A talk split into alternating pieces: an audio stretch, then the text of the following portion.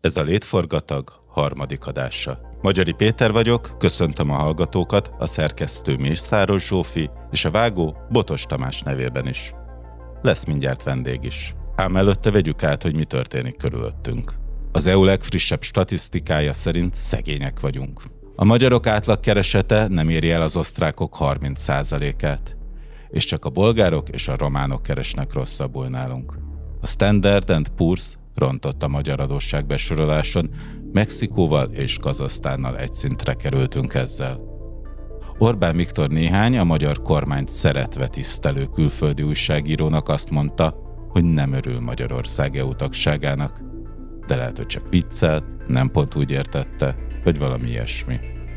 Iránt dróntámadás érte, talán Izrael volt az elkövető, a megtorlás egyenlőre csak erős szavakra szorítkozott. Az orosz-ukrán háború új szakaszát hozhatja, ha megérkeznek a frontra a nyugati tankok, amelyek nagy része német gyártmány lesz.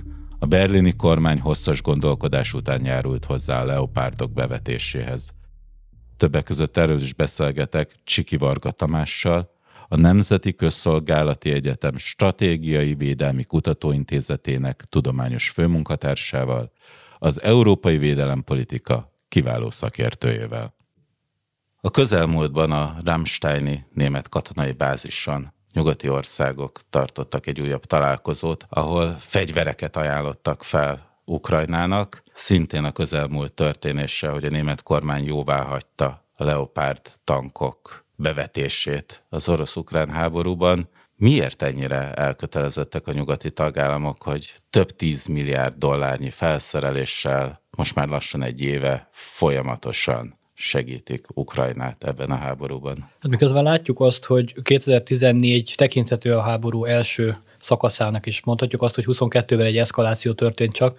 Gyakorlatilag a 22-es konfliktust és azt, ahogy a nyugat reagált, egy, egy más minőségnek tekintem. Azt szoktuk mondani, hogy ez az első olyan világrend konfliktus, ami a poszthegemoniális világrendről szól, vagy szólhat, ami pedig azt jelenti gyakorlatban, hogy az amerikai vezető pozíció és a nemzetközi liberális rendnek, szabályrendszernek a, a megalkotója, fenntartója, az a közösség, a nyugati államok közössége, kihívókkal szembesül. És ezek a kihívók, most ugye konkrét esetünkben Oroszország, tesztelgetik azt, hogy a, a hegemon, vagy az egykori hegemon, a legerősebb szereplő mit enged és mit nem, és azokon a vitatott határtérségeken, amilyen például Kelet-Európa, ott rápróbálnak arra, hogy ha ők egy kicsit terjeszt, kiterjesztik mondjuk a befolyásokat, ha ők a nemzetközi gyakorlatban a katonaerőt alkalmaznak, amit próbált a nemzetközi rendszer bizonyos mértékig kinőni, hagyományos nagyméretű konfliktusban. Ha ők egyébként a nemzetközi jogszabályait amit a második világháború után kodifikáltak döntően. Azeket megszegik, akkor erre hogyan reagál a, a nemzetközi közösség általánosságban, és van-e valami olyan retorzió, amiket éli. Na most 2014-ben ebben nem állt bele az Egyesült Államok, és az európai államok is ugyan voltak szankciók az EU részéről, de alapvetően engedték és ennek is volt egy előzmény, hogy 2008 a grúz-orosz háború, ott is azt mondták, hogy igen, tekintsük ezt orosz érdekszférának, poszt belügynek, nem gondolom, hogy ez feltétlenül jó megoldás volt, de hát háborúban nem akar menni senki. És az Oroszország szíriai beavatkozása 2015-ben szintén ebbe a láncolatba építhető? Abból a szempontból igen, hogy Oroszország a közel-külföldről kilépett, és egy olyan térségben befolyásolta döntően a dolgokat, hiszen ők fordították meg az én értelmezésemben a szíriai polgárháborúnak a menetét is tartották hatalmon az Assad rendszert, ahol egyébként klasszikusan nem ők voltak a, a meghatározók, hanem az amerikaiak, és valóban ennek a, a posztamerikai világrendnek, vagy poszthegemoniás világrendnek vannak olyan elemei, hogy a közel-keletről például jelentős mértékben visszahúzódott az Egyesült Államok. Megvannak a bázisok, megvan a, a katonai képesség, a szövetségesek és a, a beavatkozásnak a képessége az továbbra is fennáll, de például az iraki háborút lezárták, kivonták az erőket, a tágabb értelemben az afganisztáni konfliktus lezárták, kivonták az erőket, tehát azt a stratégiai túlterjeszkedést azt már talán maga mögött hagyta az Egyesült Államok, ami az erőforrásoknak a szükségtelen felmorzsolását és pazarlását jelentette. Bocsánat, hogy megszakítottam az előbb, tehát ott tartottunk, hogy az ex-szovjet térségben elindult 2008-as grúziai beavatkozással, a 14-es konfliktussal egy expanzió Oroszország részéről, ami egyben tesztelte is azt, hogy a nyugat illetve az USA erre hogyan reagál. Így van, mindig van egy visszamutatás, és nyilván nem egy oldalúak a, a cselekmények. Tehát Oroszország a 2008-as grúz-orosz háborúval arra reagált, hogy előtte, ugye az augusztusban történt, előtte májusban a NATO bukaresti csúcs találkozóján azt a nem biztos, hogy szerencsés zárónyilatkozatot sikerült elfogadni Bush elnök nyomására, hogy Grúzia és Ukrajna egy nap a NATO tagjává válik. Egyik oldalról ennek nincsen, ezzel nincsen semmi probléma, hiszen egy szuverén ország eldöntheti, hogy hova szeretne adott esetben politikai, katonai, gazdasági szövetséghez csatlakozni. Másik oldalról viszont ezt az oroszok már előzetesen is jelezték, hogy ez nekik annyira a konkrét, nem is azt mondom, hogy érdekszférájuk, de a közel-külföld, ahogy ezt ugye egyébként használják is velük kapcsolatban, egy posztszovjet állam egy szomszédos állam az orosz határok mentén, aminek nagyon nem örülnének. És ezt katonai erővel oldották meg Grúzia esetében, és a 2014-es ukrajnai beavatkozás is az én értelmezésemben így nagy stratégiai szinten arról szólt, hogy technikailag ellehetetlenítették azt, hiszen az ország szuverenitását megbontották, a területi integritását megbontották, ellehetetlenítették azt, hogy az ország csatlakozzon mind a kettő a NATO-hoz katonai értelemben ugye ez a kollektív védelem miatt egy, egy eléggé kockázatos dolog, és én még most is nagy összeget tennék arra, hogy a, NATO tagállamok közössége, vagy a 30 ország egyöntetően nem szavazná meg azt, hogy ezeket az államokat engedjük be a NATO-ba, mert az magába foglalja azt a kockázatot, hogy akkor Oroszországgal valóban egy közvetlen konfliktust kéne vívni. És Oroszországnak közvetlenül a mostani eszkaláció előtti követelése, hogy a NATO vonuljon vissza az 1997-es határai mögé, és úgymond vonja ki a katonákat abból a régióból is, amiben mi is tartozunk, az egy túlkövetelés volt ahhoz, hogy Ukrajna ügyében garanciát kapjanak, vagy pedig valóban az orosz törekvések azok kelet-berlinig tartanak továbbra is. Így ebben a formában én ezt azért elősen nonsensnek gondolom, tehát egy egy megtörtént esemény sort, egy politikai katonai szövetségnek a bővítését, ami egyébként nem úgy történt, hogy mondjuk megszálltak minket az amerikaiak, és belekényszerítettek egy szövetségbe, mint egyébként a keleti blokk kialakulása a, a második világháború után történt, ugye orosz vezetéssel. Tehát itt a szuverén államok a 90-es években döntöttek arról, hogy szeretnének az euróatlanti integrációba, az Európai Unió és a NATO keretébe csatlakozni. És erre egyébként a két szervezet nyitott volt, nem volt kényszer, nem volt nyomásgyakorlás ezt a döntési jogot elvitatni ezektől az országoktól azzal, hogy én nagyhatalom vagyok, és az az én érdekszférám, azt gondolom, hogy nem lehet. És mondjuk Magyarországon élő kelet-közép-európai emberként azt gondolom, hogy nem feltétlenül szerencsés az, ha Oroszország, vagy egyébként bármelyik nagyhatalom a térségben ilyen típusú uh, érdekszféra követeléseket fogalmaz meg, és ennek mi a saját kárunkra uh, engedünk. Tehát ezt én túlzónak, túl soknak gondolom. Másrésztről a nemzetközi politikát azért a, az értékek, elvek, normák, jogi normák berkén belül nagy mértékben a hatalmi képességek határozzák meg. Tehát ezért szoktunk minőségi különbséget tenni a között, hogy valaki NATO tagállam vagy nem, tehát mondjuk Ukrajna, Moldova, per pillanat Finnország vagy Svédország, mert rájuk nem terjed ki a NATO-nak a kollektív védelmi garanciája. Velük szemben Oroszország egy az egyben próbálja az érdekeit képviselni politikai nyomásgyakorlással, gazdasági zsarolással adott esetben energiában, vagy katonai nyomásgyakorlással, vagy Ukrajna esetében katonai agresszióval.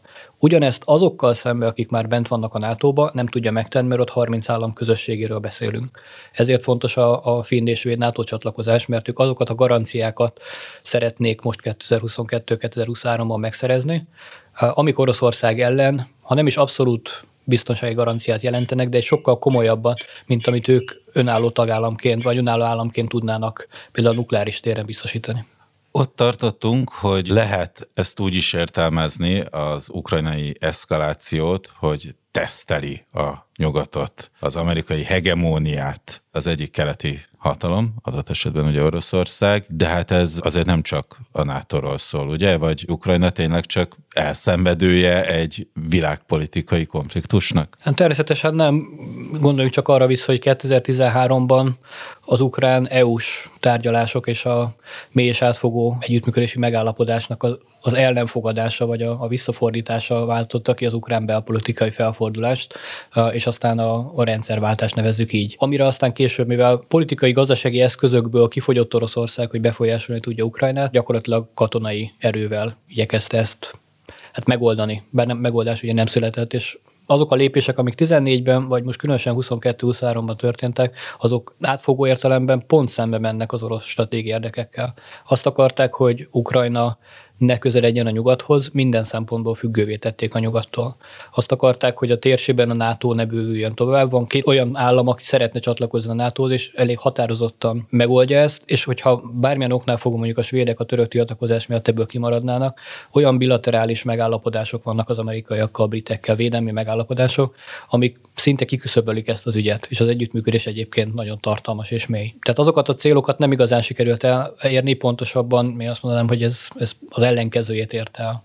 Március közepén megjelent egy érdekes tanulmány, aminek az egyik szerzője de András és Rácz András mellett, ami azt vizsgálta, hogy a magyar külpolitikai mozgásteret hogyan érintheti az akkor még éppen csak kitört háború, és hát arra jutnak, hogy szűkíti a magyar külpolitikai mozgásteret, hiszen egy ilyen éles konfliktus helyzetben az Oroszország felé mutatott gesztusok, együttműködési próbálkozások lehetősége az mindenképpen korlátozódni fog, hiszen mi a nyugati szövetségi rendszer tagjai vagyunk. Eltelt lassan egy év, hogyan látja valóban szűkült-e ilyen értelemben a magyar mozgástér, látszik-e változás? Hát a mozgástér beszűkült valóban, és a magyar külpolitika sok szempontból beszorult vagy kényszerpályán mozog, és vannak negatív hatások, amiket én azért jelentős mértékben az elmúlt egy év fejleményének is tekintek. Látni kell azt, hogy a, a magyar külpolitikában a keleti nyitás ügye, ami 2010-11-re datálódik vissza, az abból a szempontból hát több nagyon komoly sebet kapott a, az események miatt, amik, amik alásták. Tehát a, a 2008-as grúz háború után még nem volt olyan nagy probléma, de 2014-ben az EU-s szankciók és a megromló európai-orosz viszony, az, az már az első ilyen komoly sebet ejtette ezen a, a keleti nyitás politikán. Most nem a távol-keletről vagy a, a közép országokról beszélek, de, de kifejezetten Oroszországgal kapcsolatban. És a 22-es háború az olyan mértékben éket vert az európai államok és Oroszország közé, ahonnan mi úgy gondoljuk, hogy nincsen visszaút. Tehát nincs visszatérés a 2022. február 24-i állapotok elé, és nem lesz az a békés kapcsolat. Nem katona értelemben csak, hanem nem Európa leszámolt azzal a függőséggel, amit a, az elmúlt évtizedekben viszonylag kényelmesen és hát az adottságokból eredően költséghatékonyan energia szempontjából kialakult. És valóban ennek van egy nagyon komoly ára, amit Európa megfizet, és a magyar állampolgárok is megfizetnek, de Ugye az energiapolitikai függőség kapcsán én mindig azt szoktam mondani, hogy mivel Európában belül, belső forrásokban nem vagyunk fenntarthatóak, valahonnan be kell hozni, és az egy fontos kérdés, hogy kitől akarunk függeni. Tehát ha mondjuk az orosz földgáznak az amerikai LNG az egyik alternatívája, akkor lehet, hogy a szövetségi rendszeren belül lévő szereplőktől, akikhez egy táborba tartozunk, inkább függenék, mint attól, aki láthatóan minden eszközzel igyekszik a, a saját érdekeit rá erőltetni a mi közösségünkre, akkor is, ha ez szembe megy a miénkkel. Tehát a katonai erő alkalmazása az egy, az egy minőségi különbség, és ez tabu döntögetést okozott Európában. Gondoljunk a németekre. Ugye a németek azok még márciusban azt mondták, hogy 2027 előtt biztosan nem tudnak elszakadni az orosz energiaforrásoktól, hiszen fizikai okok miatt. Aztán úgy tűnik, hogy most már csak dízelt vesznek, de azt is már csak most vasárnapig, és már se szenet, se földgázt, se nyersolajat nem vásárolnak. Ugye a magyar külpolitika gyakran hivatkozik arra, hogy a, az orosz kapcsolat, a jó a viszony, gazdaság, kereskedelem és energiapolitika terén, az igazából a németnek a, a másolása, hiszen Merkel alatt ugyanezt csinálták, sőt Merkel előtt is már ugyanezt csinálták a, a németek, és gyakorlatilag a 70-es évektől ez a, a, a német osztpolitik Wandel Durchandel, tehát a kereskedelmen keresztüli, a akkori feszült kapcsolatok megváltoztatása és a jó kapcsolatoknak a megalapozása, az német modell volt, és nagyon jól működött. A német nevezzük gazdasági csodának, vagy a, a 2000-es évek jólétének az egyik alapja volt az olcsó energia, és a német iparnak a hozzáadott értéke, és a, a magyar gyakorlatilag ezt igyekezett megvalósítani méretben kisebben, és ezt nyilván nagyon nehéz elengedni. Közben ugye a magyar kormány azt hangsúlyozza, hogy továbbra is rászorul az orosz energiára. Az a típusú váltás, ami Németországban megtörtént, itt egyelőre nem történt meg, és Magyarország végül is elérte azt, hogy több szankció esetében kivételt kapjon, és továbbra is megmaradhasson ez a függés, illetve kapcsolat az orosz energiahordozóktól. Ez a fajta különutasság a szövetségi rendszeren belül okozhat problémákat vagy pedig ezt ügyesen lehet kezelni? Mivel ezt a modellt nagyon nehéz elengedni a gazdasági értelemben, és ugye azokat a pluszköltségeket nem szívesen vállalja a, a magyar a politika, ami ezzel a váltással jár, sőt, egy picit el is késtünk a dologgal, mert amikor itt a háború kitört, a, ugye választási kampány volt Magyarországon, majd a választás után kormányzati átrendeződés bizonyos szempontból, és későn kezdtek egy kicsit alternatív forrásokat keresgélni, és bár a 2022-es térre biztosítottak voltak ezek a források, de hogy 23 telén hogy lesz, és amikor idén nyáron majd elindul a, nevezzük így a versenyfutás a tartalék földgáz kapacitásokért, hogy a tárolókat ismét föl lehessen tölteni, és, és nem biztos, hogy lesz orosz rész akkor meglátjuk, hogy mennyire marad nekünk is kapacitás. A nehéz elengedés miatt és amiatt a függ, nagyon erős függés miatt, amit uh, ugye tapasztalunk, mm, a magyar különösság egyrészt ki tudta magának azt uh, harcolni, hogy legyenek kivételek a szankciók alól részünkre. Másrésztről viszont egy nagyon konfrontatív, a korábbi évekhez képest is egy nagyon konfrontatív gyakorlatot vett föl, és ennek megvan a gyakorlati következménye, mert a politikai bizalmat elégette, ami kézzel foghatóan nagyon jól látható volt, ugye az EU-s források újjáépítési és, és strukturális fejlesztési forrásokról van egy hosszú ideje zajló vita, aminek 2022. decemberében volt egy legalábbis a részeredmény hirdetése. Egyik olvasatban azt lehet mondani, hogy hát nem vesztettük el a forrásokat, mert nem ezt mondta ki az Európai Unió tanácsa, csak szabott hozzá néhány feltételt. Ugye ez szám szerint 27 feltétel, ezek a mérföldkövek, amik tekintetében változásokat várnak. A negatív olvasat viszont az, hogy folyamatosan a torkunkon tartják a kezüket, hogy ezeket a forrásokat megkapjuk, vagy ne kapjuk meg, és a 27 feltétel között, amiket egyben csomagban kell teljesíteni, tehát nem elég, hogyha néhányat teljesítünk, mindet teljesítenek, és ők mondják meg, mikor teljesítettük. Tehát innentől kezdve spárgán lehet rángatni a minket ezek ezen források keretében. Tehát ez még lehet, hogy rosszabb, mint akkor megmondták volna, hogy nem kapjuk meg, mert innentől kezdve egy folyamatos nyomásgyakorlási eszköz. Ami pedig a politikai bizalomvesztést illeti, ugye azt tartjuk nagyon kockázatosnak, hogy ezt a döntést mindenféle hazai vagy bármilyen narratívával szemben ezt nem az Európai Bizottság, meg nem az Európai Parlament, hanem az Európai Tanács fogadta el. A tanácsban pedig a tagállamok államfői, kormányfői ülnek ott. Tehát azok a szövetségesek szavazták meg egyhangúan,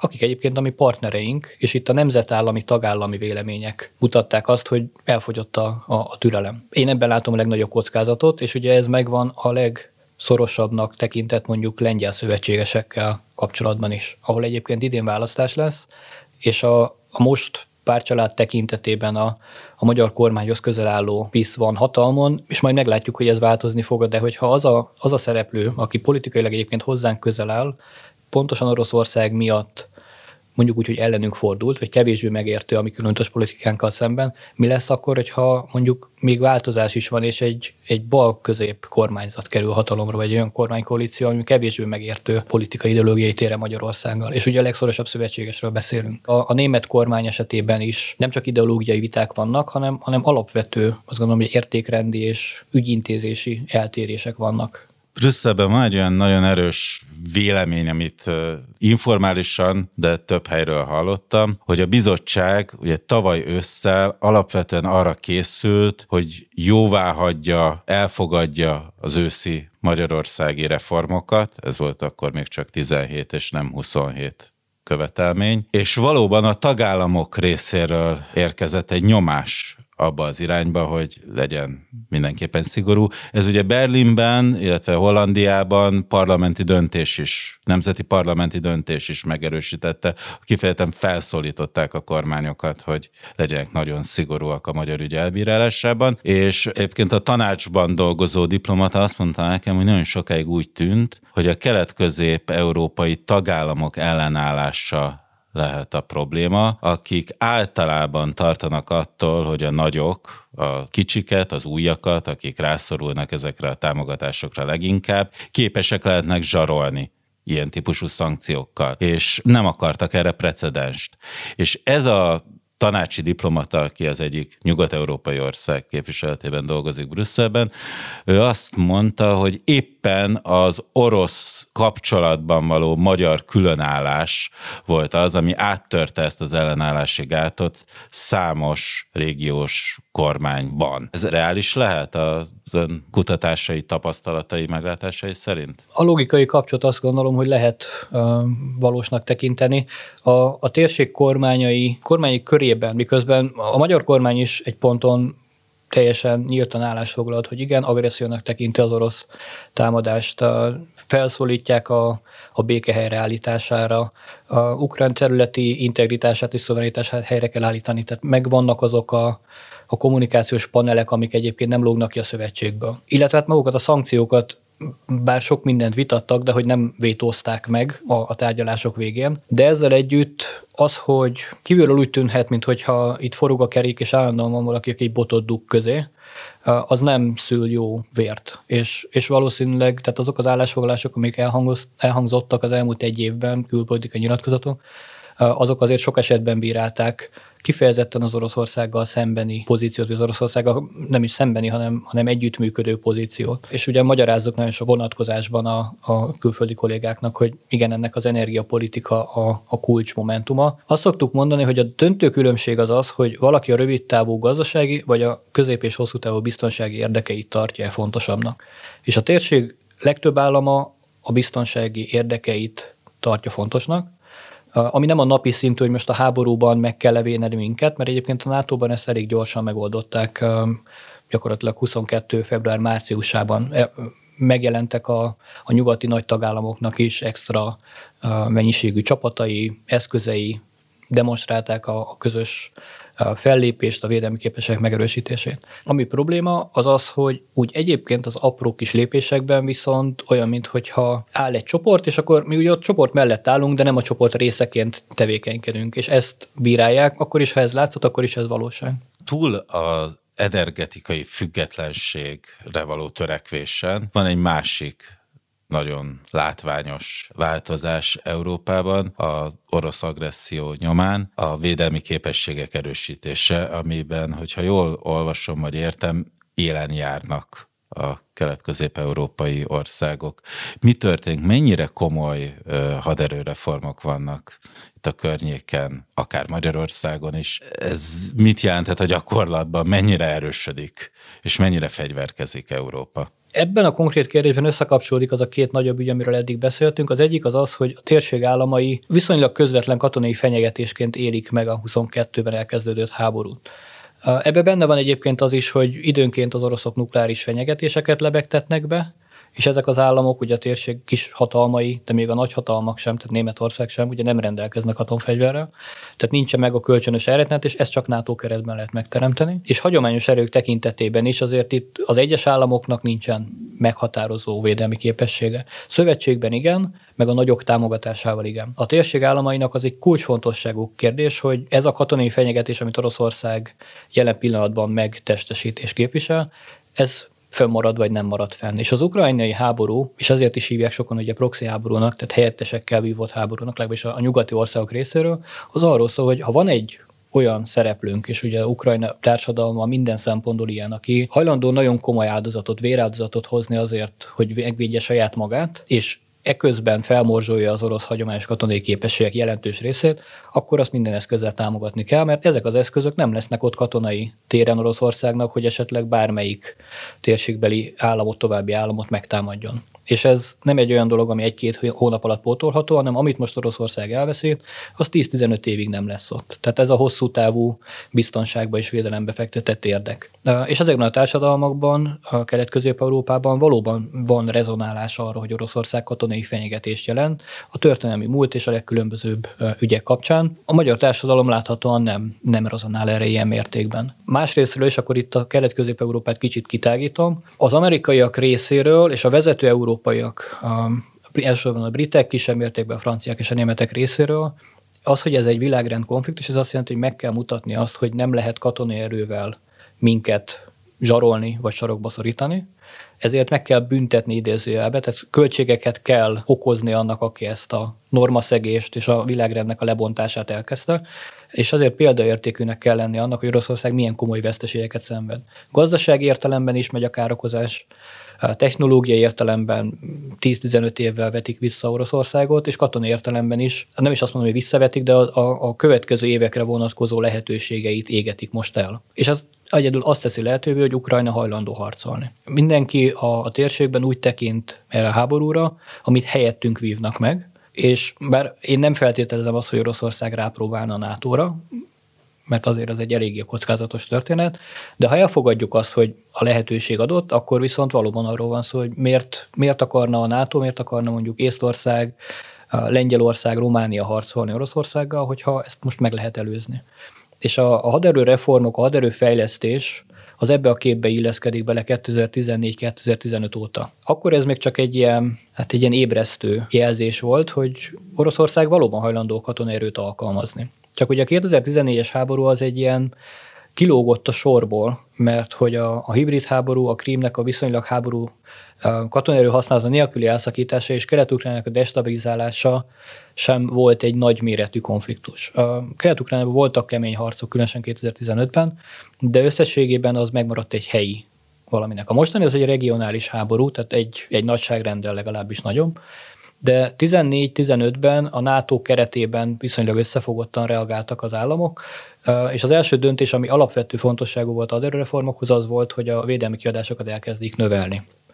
Mert ugyan 2006 Ez az a bizonyos két GDP arányosan két százalékos előírás, ami a Velszi NATO csúcson lett előírva. Így van. Ugye ez egy ilyen misztikus történet, mert ez a hidegháború időszakában is volt, akkor 3 százalék volt a, a nem hivatalos elvárás, ez nem volt így, így kimondva. Mármint, hogy leírva nem volt jogszabályban, vagy a, az alapszerződésben nem volt benne, ahogy egyébként most nincs benne. 2006-ban a, a rigai csúcson a, született arról egy valóban zárónyilatkozatban szereplő politikai döntés, hogy a kétszázalékot azt tényleg illene költeni védelmi képességekre, hogy ez mindenkinek a saját nemzeti haderejét illeti, mert a nato nincsen olyan saját hadereje, hogy az különáll a nemzetállamoktól, a tagok ajánlják föl és biztosítják a NATO-nak. Tehát ha nincs, ha nincs Magyarországnak, Lengyelországnak, Németországnak, az Egyesült Államoknak saját hadereje, akkor NATO-nak se lesz. De most 2014-ben a, a Newporti Velszi csúcs találkozón ott a NATO tagállamok 10 éves kötelezettséget, politikai kötelezettséget vállaltak, hogy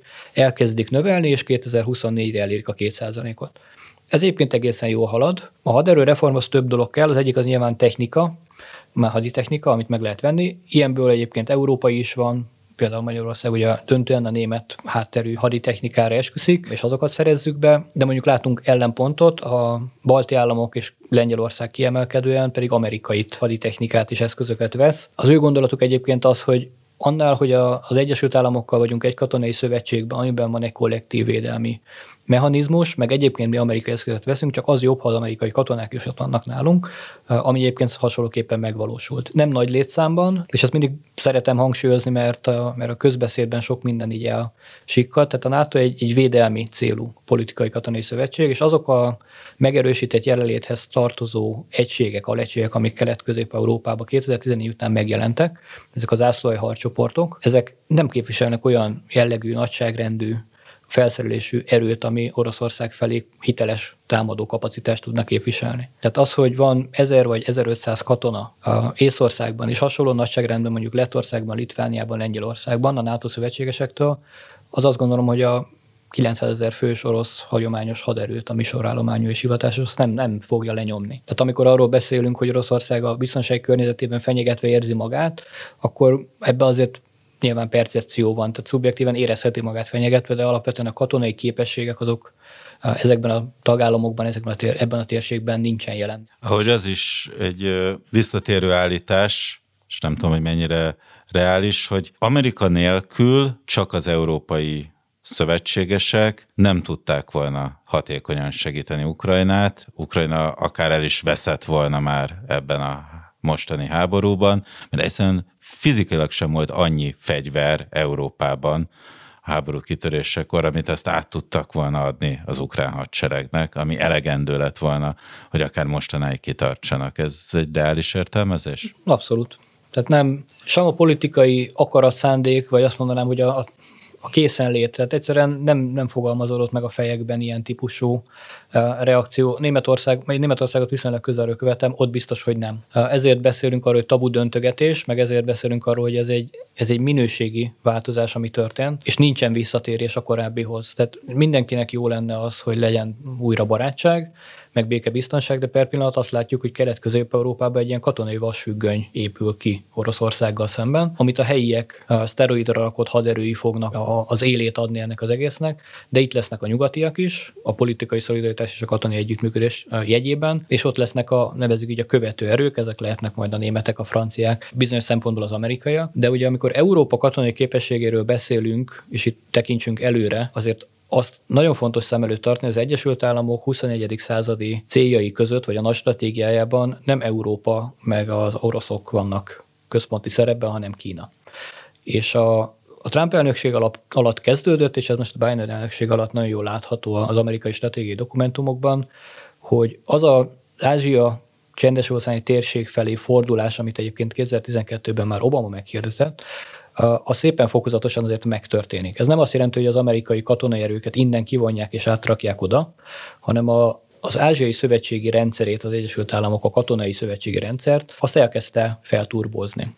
Ott is a, ugyanaz történik, mint Európában. A helyi szövetségesek erősítsék magukat, az amerikaiak biztosítanak nekik olyan stratégiai képességeket, amikkel ők nem rendelkeznek. Együtt, ha gyakorlatoznak, a, a bármilyen közös fellépésnek a lehetőségét és a gyakorlati képességét megteremtik. És az egésznek a célja az elsősorban az elrettentés, másodszorban, ha ez nem működne, akkor a védelem a kialakítása. És például, ha Biden elnökségről gondolkozunk, van egy olyan megint csak minőségi különbség, ami korábban nem volt jellemző, hogy haditechnikai, fejlett haditechnikai eszközöket adnak át ezeknek a szövetségeseknek, sőt, most Ukrajna esetében ez nem fog első körben megvalósulni, de például Tajván, Japán, Dél-Korea esetében megfog, hogy gyártási kapacitást adnak át. Tehát a technológiát nem csak úgy adják oda, hogy itt van, használjátok, hanem ti is tudjátok gyártani.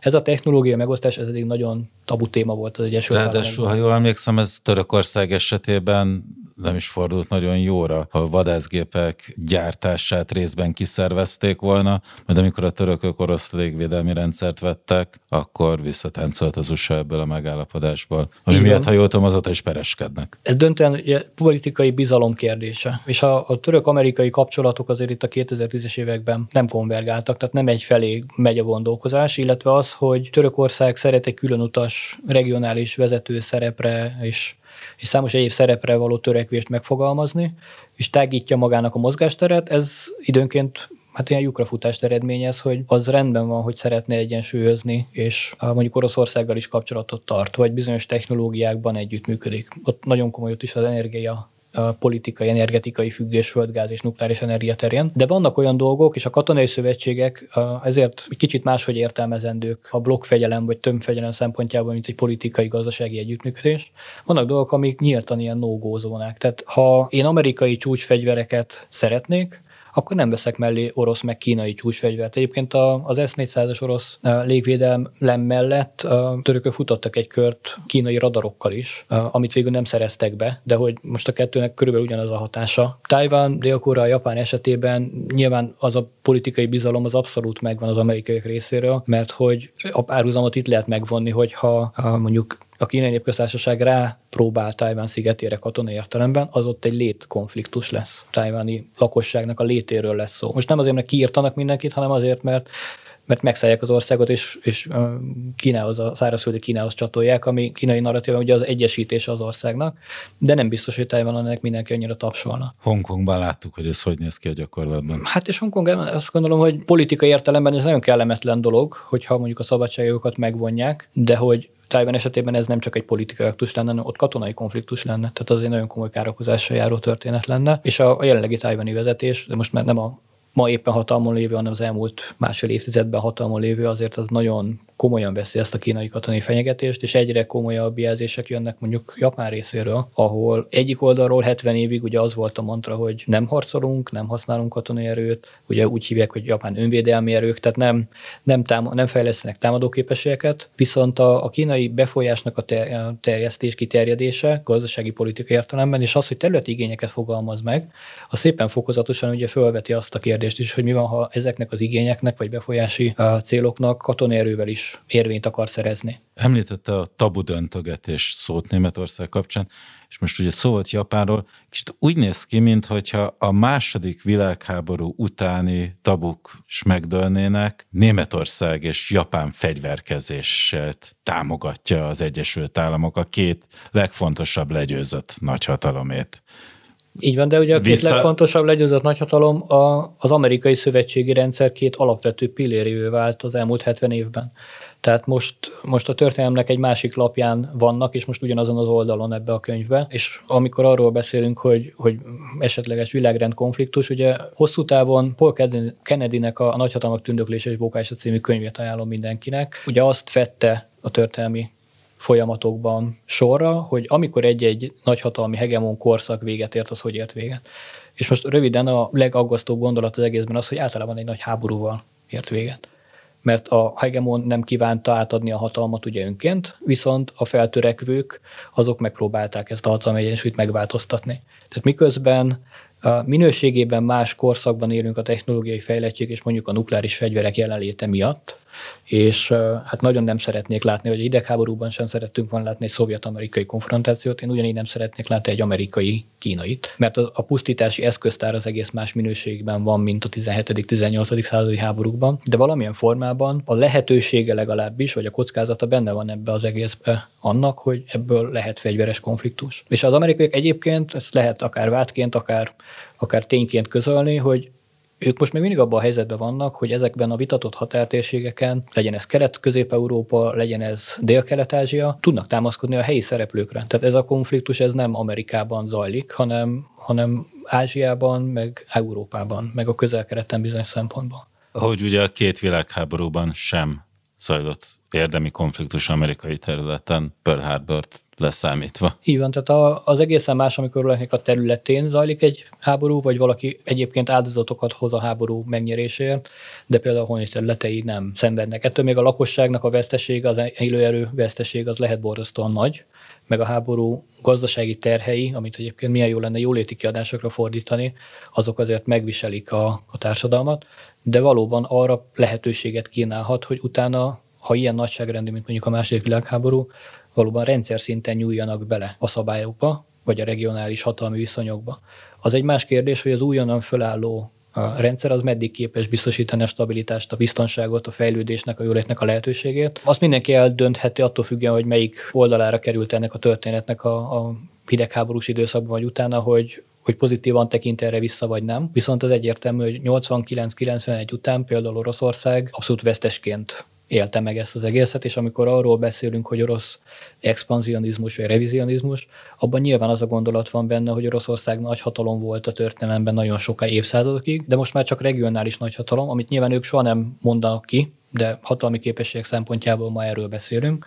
És az a mostani háború, ez még ebből is visszavesz, mert a hatalmi képességek azok meghatározóak. És itt nem csak a szimbolikus dolgok számítanak. Nyilván az NSBT tagság az egy nagyon fontos dolog, de az NSBT is, meg annak a működőképessége, hatékonysága azért a, hát szuboptimális, fogalmazzunk így. A nukleáris képességek azok egy egészen más szintre emelnek egy államot, és Oroszországnak ezek megvannak, sőt kiemelkedőek, ebbe vannak egyedül paritásban mondjuk az Egyesült Államokkal, de ettől még nem Oroszország fogja szabni a szabályokat. Kína ebből a szempontból egészen más, és más megítélés alá is esik, a amerikai szemszögből és a NATO szemszögéből is, mert ott viszont azt látják, hogy megvan a szándék, és rendelkezés áll a képesség arra, hogy rendszer szinten avatkozzon be. Oroszország számára a szándék megvan, a képesség nincs. Többször elhangzott a nukleáris fenyegetettség. Mennyire lehet reális, hogy ez a mostani ukrajnai konfliktus ilyen irányban eszkalálódna? Kizárni semmit nem lehet, ezt szoktam mindig mondani, de egészen minimálisnak gondolom ezt a kockázatot. Több dologról is érdemes beszélni. Egyrészt ugye nukleáris fegyverből is van többféle, vannak taktikai meg, meg stratégiai eszközök. A taktikait azt át, arra fejlesztették ki a hidegháború időszakában, hogy a, az elképzelt, vagy várt, vagy félt nagy katonai konfrontációban, ahol páncélozott tömeg hadseregek feszülnek egymásnak, és nagy katonai csoportosítások, ott ezeket lehessen egy behatárolt körzetben kivenni, megsemmisíteni, és ott át lehessen törni a, az ellenségnek a frontvonalát.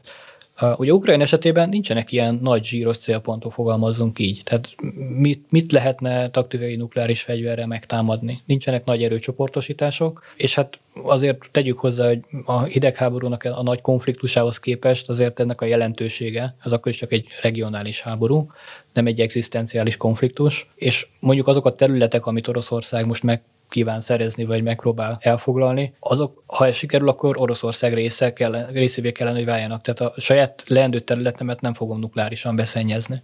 Tehát nem, nem nagyon vannak olyan racionális érvek, ami miatt ezt, ezt várnánk. A stratégiai nukleáris fegyver használat pedig, már a taktikai is egyébként ilyenek tekintem a stratégia egyértelműen, az meg egy olyan tabu döntögetés lenne, ami mellett nem az amerikaiak, meg az európaiak, de Kína, India sem menne el szó nélkül. Tehát ott a nemzetközi reakciók azok, és következmények azok, amiket, amiket szerintem ugye az átlag ember lehet, hogy alábecsül, vagy nem lát, de, de az orosz politikai és katonai vezetés az nagyon komolyan látja. Ugye ez azt jelenteni a gyakorlatban, ezért lennének kemények a, a reakciók, mert leszállítja a nukleáris fegyver alkalmazásának a küszöbét. És azok az országok, akiknek van, és egyébként rengeteg területi vitája van, és különböző szomszédjaikkal állnak nyílt vagy nem nyílt, befagyott vagy forró konfliktusba, azok elgondolkoznának rajta, hogy oké, okay, egyrészt akkor én is használom, mert ők is használták, és nem történt semmi következmény.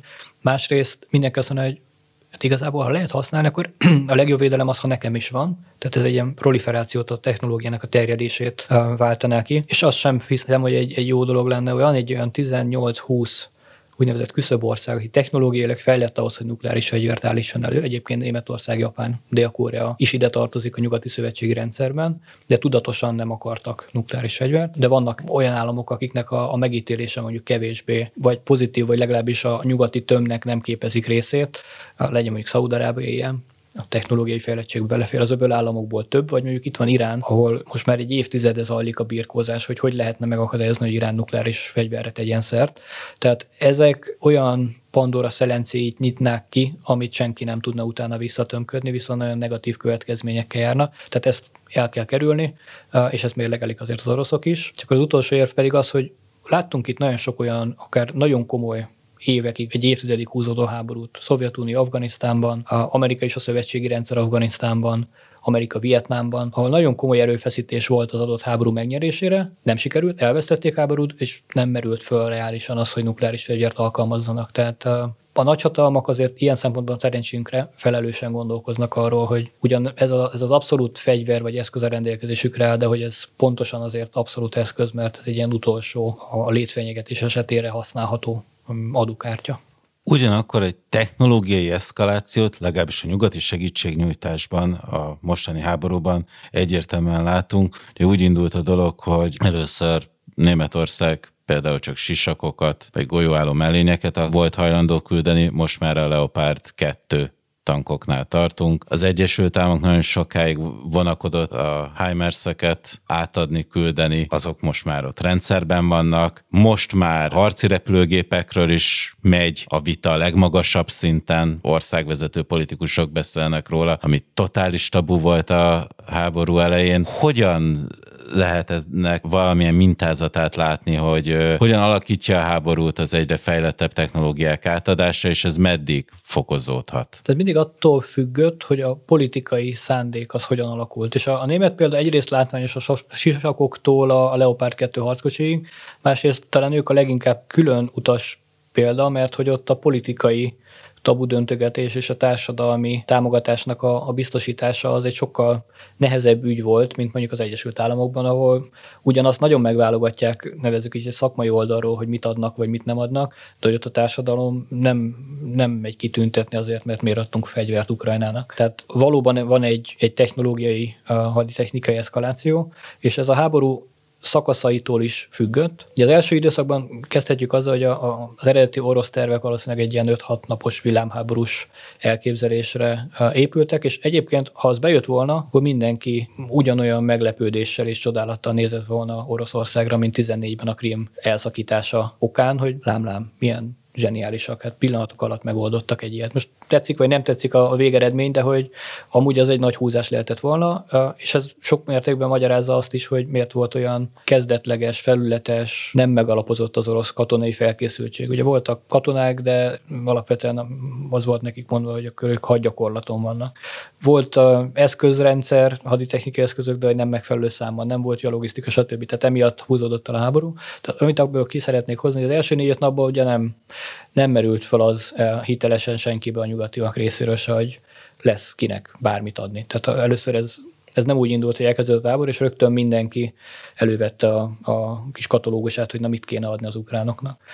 Márciusban, amikor már látszott, hogy, hogy akarnak harcolni, és ellenállnak, és hát akkor még nem állították meg uh, olyan lendületesen az oroszokat, de elkezdődött az együttműködés, akkor egyébként az első uh, dolog, amit a nyugati szövetségi rendszer biztosított, és dönteni, itt az amerikaiak meg a britek viszik a pálmát, az egyébként nem fegyver volt, hanem információ. Tehát az a hírszerzési, megfigyelési fölény, amiben a nyugati államok vannak, és döntene az amerikaiak, a műholdakkal, EVEX repülőgépekkel. Nyilván Ukrajna ilyen nem rendelkezik, de hogy szinte valós idejű helyzetjelentést tudnak biztosítani az ukránoknak, ha és amennyiben akarnak. Tehát az ukrán katonai sikerek mögött azért van egy ilyen nagyon komoly információs hírszerzési támogatás enélkül sem mennének olyan kördülékenyen a dolgok. Onnantól kezdve, hogy, hogy az ukránok harcoltak és, és zajlott a háború, és lehetett azért látni, hogy milyen komoly veszteségek érik őket, onnantól kezdve viszont már fölmerült az, hogy rendben, akkor meg kell támogatni. És az első szakaszt, most azon túlmenően, hogy eszközrendszereket is lehet mondani, én döntően annak az alá rendelném, hogy a kelet, döntően kelet-közép-európai államok, vagy a volt keleti blokk államok a saját volt szovjet-orosz technológiáját, technikáját adta át. Mert ez volt a legkönnyebb, egyrészt azért, mert ezeknek az államoknak ez már kifutó volt, ha még nem cserélték le teljes mértékben. Másrészt ezeket használták, tehát ez volt könnyű integrálni az ottani hadműveletekbe és a haderő alkalmazásába. És aztán megjelentek a, az ettől generációsan különböző fejlettséget jelent, vagy eltérő fejlettséget jelentő eszközök. Ugye ilyenek voltak a török Bayraktar drónok, ilyen volt a HIMARS. Egyébként a, a háborúnak viszonylag a kezdeti időszakában ugye a páncéltörő eszközök, illetve a légvédelmi rakéták, mert ahhoz, hogy az orosz támadást meg lehessen állítani, a gyalogság számára, ott, ott ez a kettő kellett, a páncéltörő rakéták meg a légvédelmi eszközök, ahhoz pedig, hogy az orosz logisztikai utánpótlás szét lehessen zirálni, ahhoz kellett a precíziós csapásmérő képesség, ez először a Bayraktar volt, aztán később majd a HIMARS, ugye ott a nagy hatótávolság is, meg a, a precizitás is fontos. És innentől kezdve elkezdődött az, hogy jó, mindennel is kéne támogatni az ukránokat. A kívánságlista az nyilván széles volt, mert ha, ha harcolni akar a Ukrajna, azt csak akkor tudja megtenni, ha, ha vannak eszközei. És bár annyira nagy látványos képet talán nem kapott, vagy nem jelent meg, de hát a páncélozott szállító harcjárműveket, logisztikai járműveket, szállító járműveket már tavaly nyáron is adtak az európai államok is, meg Amerika is. És azért, hogy nagyságrendbe helyezzük a dolgokat, hogy amikor Amerika kivonult Afganisztánból, ott százezer számra maradt hátra haditechnikai eszköz. Tehát a, a, a Humveekból, amik, hát hogy mondjam, egy ilyen masszív páncélozott terepjáró mondjuk ezt ilyen nagyon, nagyon lebutítva, abból tízezes nagy, nagyságrendben maradt ott Afganisztánban. Azért, mert nem érte meg hazavinni. Tehát egyszerűen gazdaságilag olcsó volt otthagyni és leírni. Tehát eszköz van, szokták ugye ezt a kérdést feltenni, hogy mi van, ha a nyugat kifogy eszközökből, meg Oroszország kifogy. Vannak olyan kategóriák, amiből ki lehet fogyni, meg nyilván a világ végéig nem tudják fenntartani azt a műveleti tempót. De hogy, hogy elfogyna a fegyver, Hát én azt gondolom, hogy előbb fog az ember elfogyni, mint a fegyver. Illetve látjuk azt, hogy, hogy azért a, a fegyver előállítást, a hadipari termelést azért elkezdték fölcsavarni, és ha sokáig húzódik a háború, tehát mondjuk még egy vagy két évig elhúzódna, ebbe azért nem vagyok biztos, vagy a mostani intenzitás mellett legalábbis nem vagyok biztos, akkor föl tudják pörgetni a gyártókapacitást, és erre szükség is lesz, mert amit meg átadnak, azt ugye helyettesíteni kell. A, a következő szakaszban jelentek meg ugye a, a légvédelmi eszközök, és rakétavédelmi eszközök, az Ukrajna szempontjából az a, az a november, október-novemberi időszak, amikor az oroszok elkezdték tömeges dróntámadásokkal az energetikai és civil infrastruktúrát rombolni. Az is egyfajta minőségi váltás volt, és közben minden olyan, amit meg korábban kaptak, annak a, leszállítása folytatódott illetve egyre nagyobb szerepet kapott a, a tüzérségi lövedékek, lőszereknek az átadása, mert abból is kifogytak. Itt ugye a probléma az lesz, hogy ezek a készletek egyébként, tehát a volt szovjet-orosz technológia az egyébként egy ponton úgy is el fog fogyni. És akkor, amikor arról beszélünk, hogy jó, akkor van egyfajta technológiai eszkaláció, az egy szükségszerűség is, mert a fenn akarják tartani Ukrajna támogatását, és olyan nincs, amit már ők normál esetben használtak, vagy a, ahhoz hasonló, akkor, akkor nem nagyon marad más, mint azt mondani, hogy kapnak nyugatit. És ebben is most a, a harckocsiknak az átadása az egyrészt technológiai oldalról minőségi, másrészt viszont annak a szándéknak a kifejezése, hogy Ukrajnának a védelkezési képességét fenn akarják tartani.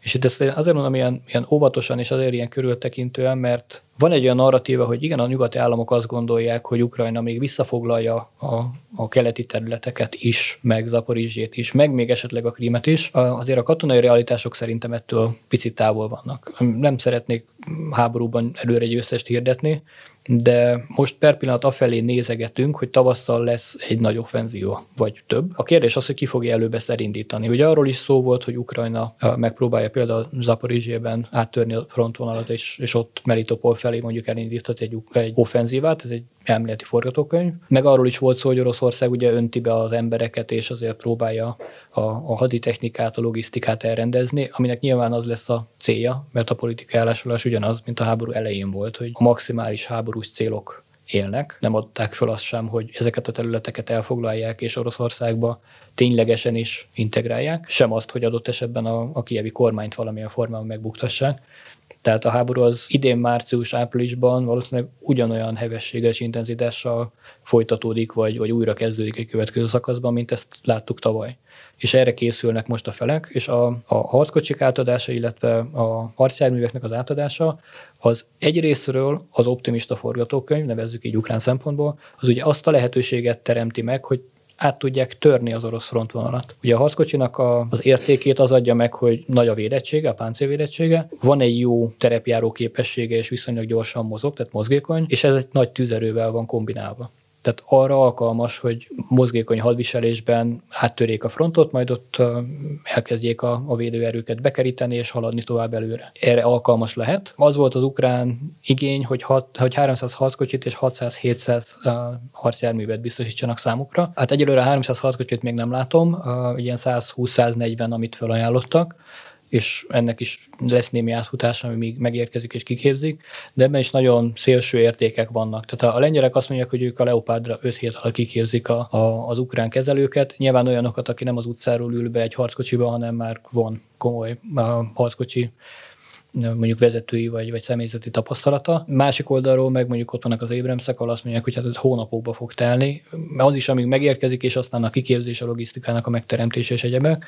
És azért mondom, hogy van egyfajta versenyfutás, mert a, hát most február elején beszélgetünk, hogy március, április, április az már két hónap. Azt gondolom, hogy a leopárdoknak addigra már ott kéne lenni, és, és abszolút bevethetőnek lenni a, a különböző harcjárműveknek ott kell lenni, és abszolút bevethetőnek lenni. Kérdés az, hogy azelőtt esetleg elkezdődik egy orosz offenzíva, mert onnantól kezdve ott a stratégiai kezdeményezés, és az ukránoknak csak reagálni lehet. Úgyhogy a, a technológiai eszkalációnak nyilván van egy ilyen célja, hogy ha lehetővé tudják tenni az, orosz, az ukrán területek visszafoglalását, akkor azt segíteni akarják, és a, a negatív forgatókönyv pedig az, hogy amennyiben az orosz offenzíva indul meg előbb, akkor komolyabb védelmezési képességeik legyenek. Csiki Varga Tamás, nagyon szépen köszönöm. Köszönöm a lehetőséget.